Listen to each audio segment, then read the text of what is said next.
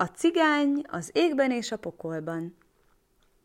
Valamikor nagyon-nagyon régen élt egy cigány házaspár. Olyan szegények voltak, hogy már szegényebbek nem lehettek.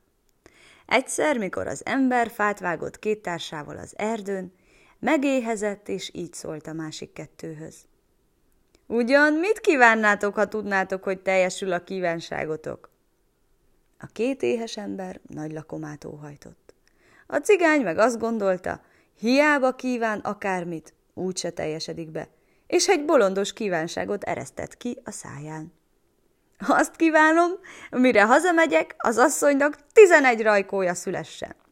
Jót nevettek a kívánságon, de bezeg nem nevetett a cigány, mikor hazaért. A bába jelentette, hogy tele van a ház gyerekkel. Tenni a cigány a szerszámait az egyik sarokba, a másikba, de mindenütt gyerekbe ütközött. Nagy haragjában elordította magát. Én tizenharmad magammal egy fedél alatt? Hát inkább vigyen el az ördög. Ki ejtette az utolsó szót, már is ott termett az ördög, és vitte magával. Egyedül maradt az asszony a tizenegy gyerekkel. Tíz nagyon szépen fejlődött, de a tizenegyediknek semmihez se volt kedve, mindig a kuckóban gubbasztott. Törte a fejét, hol lehet az apja, az anyja azt mondta neki, hogy régen meghalt. De a gyerek elhatározta, megkeresi akár az égben, akár a pokolban. El is indult nagysebesen, meg se állt, míg egy olyan fához nem ért, aminek a hegye az égbe, a gyökere a pokolba nyúlott. Elővette az apjától maradt fejszét, grádicsot vágott a fatörsbe, szép, lassan, szép lassan fölballagott a mennyországba, és kopogott Szentpéternek engedje be. Nincs itthon az Úristen, nem engedhetek be senkit. Várt a gyerek egy darabig, aztán elkezdett kiabálni. Szent Péter atyám, befutta a szél a kalapomat a kapun, adja ki! Nem kereshetem én a kalapodat, mert addig a rossz lelkek mind bebujkálnak a kutya bejáraton. No, erre megharagudott a cigány. Majd megmondom az Úristennek, hogy kegyelmetben fogja a más ember igaz jószágát. Szent Péternek mit volt mit tenni, félt, hogy megpirongatja az Isten, beengedte a cigányt. Kereste az apját, nem találta. Meglátta az Úristen trónusa alatt az angyalok kis székeit. Leült az egyikre, körülnézett. Hát, mit lát? Lent a földön a szomszédjuk éppen lopni akarja a malacukat. Megmérgesedett. Haigálni kezdte az angyalok székecskéit a szomszédjukra. Úgy belemerült a dolgába, észre se vette, hogy előtte áll az Úristen. Igen megharagudott a székek ekkora pazarlásától. Se szó, se beszéd, kipenderítette a cigányt a mennyországból.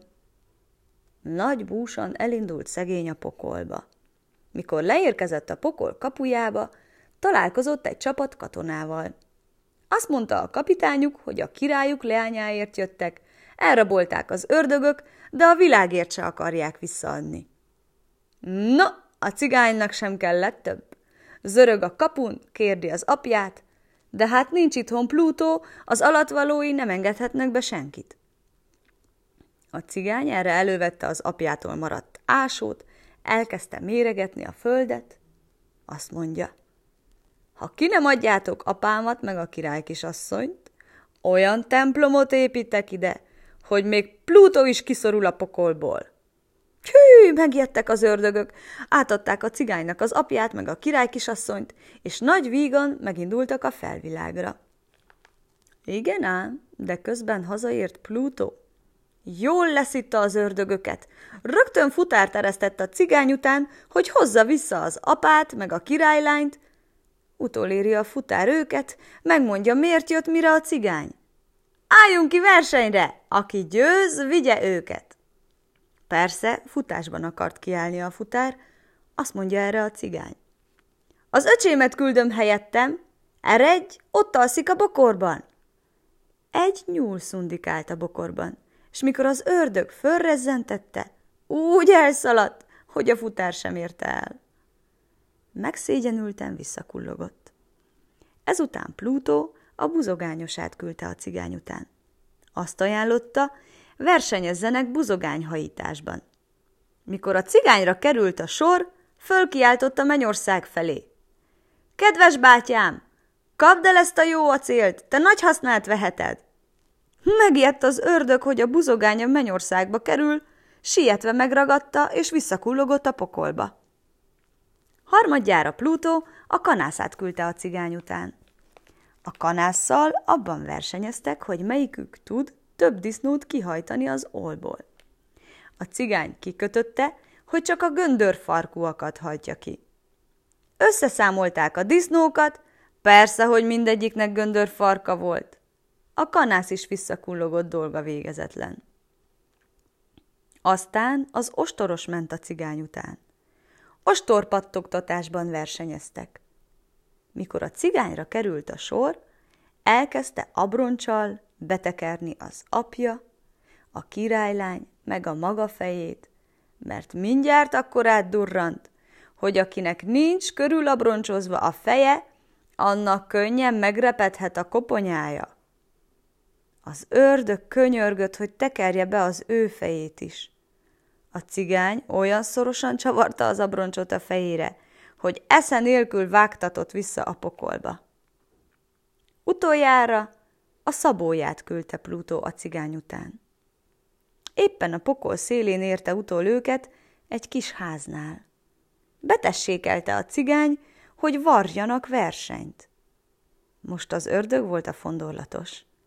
Hogy ne kelljen sokszor befűzni a tűbe, olyan hosszú cérnát fogott, hogy minden öltésnél ki kellett ugorni az ablakon, meghúzni a szálat. Ugyancsak eltelt az idő a sok ugrálásban. A cigány pedig kurta cérnával öltögetett, és elébb lett kész, mint az ördög. Legyőzte az utolsó akadályt is. Mehettek nyugodtan. Kiértek a pokolból, és Plutónak nem volt hatalma többé fölöttük. Mondjam-e, vagy nem mondjam tovább? A cigány nagy diadallal vitte haza a király kisasszonyt. Persze, megkapta a kezét és a félországot, aztán boldogan éltek, míg meg nem haltak.